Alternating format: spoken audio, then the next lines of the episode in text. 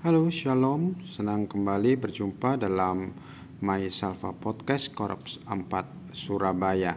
Kiranya podcast ini akan menjadi berkat bagi kita sekalian. Saya mengajak kita sekalian untuk bersyukur kepada Tuhan di dalam doa sebelum saya akan menyampaikan uh, renungan harian pada hari ini. Mari kita berdoa.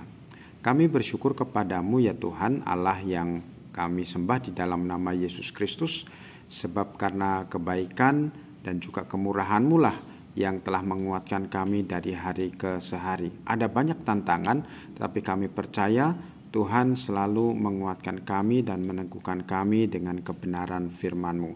Hari ini kembali kami akan diberkati dengan janji firman-Mu. Tuhan kiranya kuduskan kami. Ini doa kami dalam nama Yesus Kristus kami berdoa. Amin. Sahabat podcast kalian, eh, firman Tuhan di dalam Mazmur 133 tentang persaudaraan yang rukun merupakan nyanyian siarah Daud. Demikian firman Tuhan. Sungguh alangkah baiknya dan indahnya apabila saudara-saudara diam bersama dengan rukun.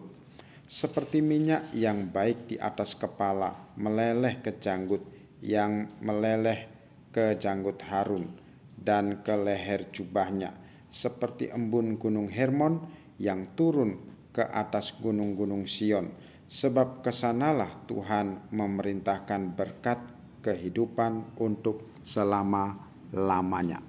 Sahabat Maisalva Podcast, hidup dalam kerukunan, sesuatu yang sepertinya biasa dalam zaman sekarang orang uh, saat ini hidup secara individual. Apalagi saat ini ditopang dengan yang namanya digitalisasi. Semua dapat dikerjakan secara mandiri di rumah. Di ujung jari kita dapat melakukan segala sesuatunya dan memperoleh segala sesuatunya. Nah sahabat podcast kata rukun mengalami degradasi pemahaman pada saat ini. Sebab orang berpikir yang penting tidak saling mengganggu, maka saya bisa rukun. Atau eh, yang penting kita mengurus urusan masing-masing, tidak usahlah urus orang lain punya, maka kita juga menganggap sudah rukun. Nah, apa yang kita pelajari dari rukun sesungguhnya? Saat semua orang berprinsip menjaga privasi masing-masing, maka kita harus mempelajarinya kata rukun itu sendiri. Rukun bisa juga berarti bersatu, bukan bersatu-satu, tetapi bersatu seperti keluarga yang berkumpul di meja makan, tetapi masing-masing memegang HP. Adakah itu eh, boleh dikatakan rukun? Nah, saudara, Kata rukun dalam Kamus Besar Bahasa Indonesia itu mempunyai dua arti. Yang pertama baik dan damai, tidak bertengkar, dan yang kedua bersatu hati dan bersepakat. Maka kita dapat mengartikan bahwa hidup dalam kerukunan itu dalam situasi yang baik dan damai tidak bertengkar ya yang baik secara kelihatan dan juga yang tidak kelihatan bersepakat dan bersatu hati ya. ada yang mungkin di depan e, merasa kelihatan baik tapi di belakangnya enggak ada yang rukun tetapi hanya manis di mulut tersenyum, tetapi di hati dongkol dan dendam. Nah, seiras dengan Mazmur 133 ayat yang pertama, apabila saudara-saudara duduk diam bersama, seperti dalam sebuah pernikahan, orang yang duduk bersama dapat menerima satu dengan yang lainnya, dapat membicarakan hal-hal yang bisa disepakati bersama dengan penuh kasih mesra dan penuh ketentraman. Nah, sahabat podcast kalian, seperti apakah hidup rukun itu digambarkan? Ternyata hidup rukun oleh firman Tuhan dalam Mazmur 133 dikatakan yang pertama dia seperti minyak yang baik yang meleleh ke janggut Harun dan sampai ke leher jubahnya. Apa minyak yang baik itu?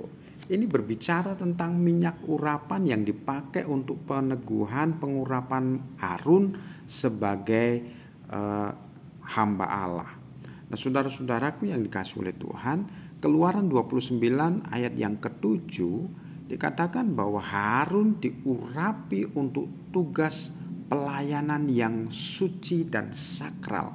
Minyak yang digunakan, minyak yang dipakai adalah minyak khusus dan kata yang digunakan itu adalah dicurahkan. Tentu kalau menggunakan kata dicurahkan, maka minyaknya tidak hanya setetes-tetes, tetapi um, cukup mengalir sampai ke janggut dan juga sampai ke leher jubahnya.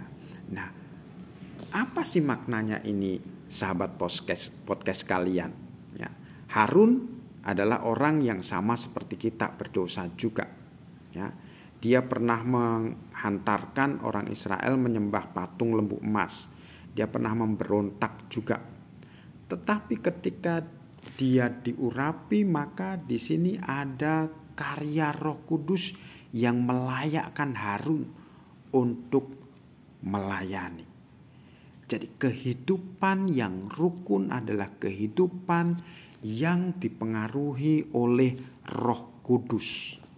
Karena Roh Kuduslah yang mengerjakan, yang melakukan, yang menyelesaikan, yang memulihkan, yang menghilangkan dendam, luka, sakit hati, amarah, pertikaian, percideraan dan lain sebagainya. Roh Kudus juga yang menginsafkan kita, mengingatkan kita akan kasih Allah. Sebagaimana Kristus yang telah mati di atas kayu salib. Dia mengasihi semua orang. Karya Roh Kudus adalah yang utama di dalam kehidupan rukun.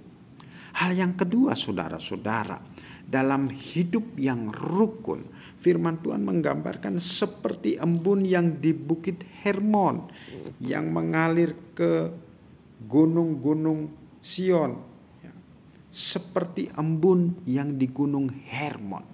Saudara, Gunung Hermon adalah gunung yang tinggi ya, lebih dari 2800 meter. Sehingga di puncak Gunung Hermon itu selalu ada salju yang menutupi di sepanjang musim. Nah, karena salju inilah sehingga selalu menghasilkan embun yang berkelimpahan yang menetes akhirnya membawa kesuburan di daerah-daerah sekitarnya. Karena salju itu ada sepanjang musim, maka embunnya juga ada di sepanjang musim. Luar biasa saudara-saudara. Ketika kita hidup rukun, maka akan ada eh, berkat, ada pemeliharaan dari Allah yang mencukupi kita sepanjang sepanjang musim tidak pernah berhenti.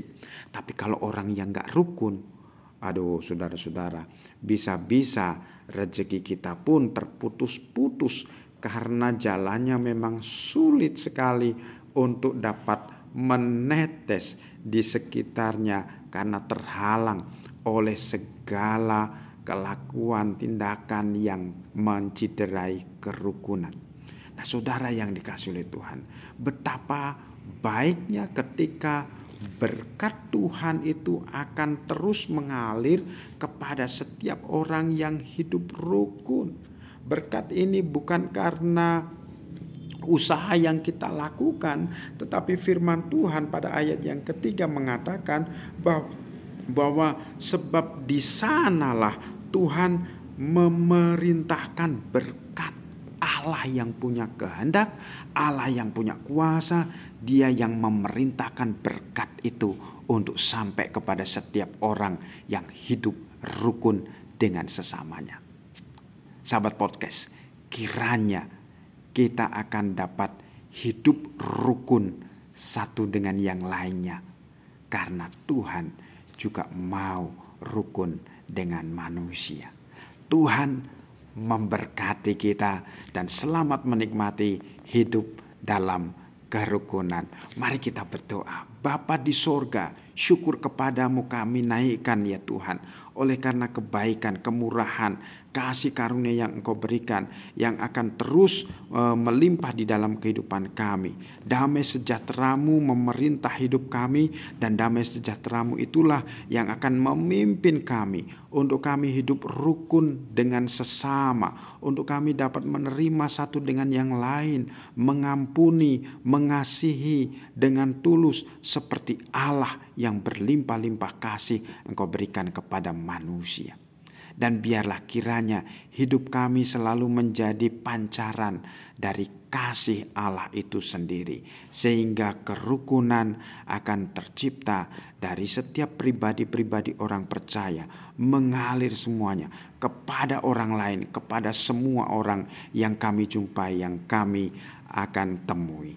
Tuhan berkati kami sekalian, berkati podcast ini yang menjadi saluran berkat pengajaran dari Tuhan. Di dalam nama Yesus Kristus kami berdoa. Amin. Sahabat podcast sekalian, selamat menikmati dan selamat menjalankan hidup rukun damai sejahtera Tuhan memberkati kita sekalian. Amin.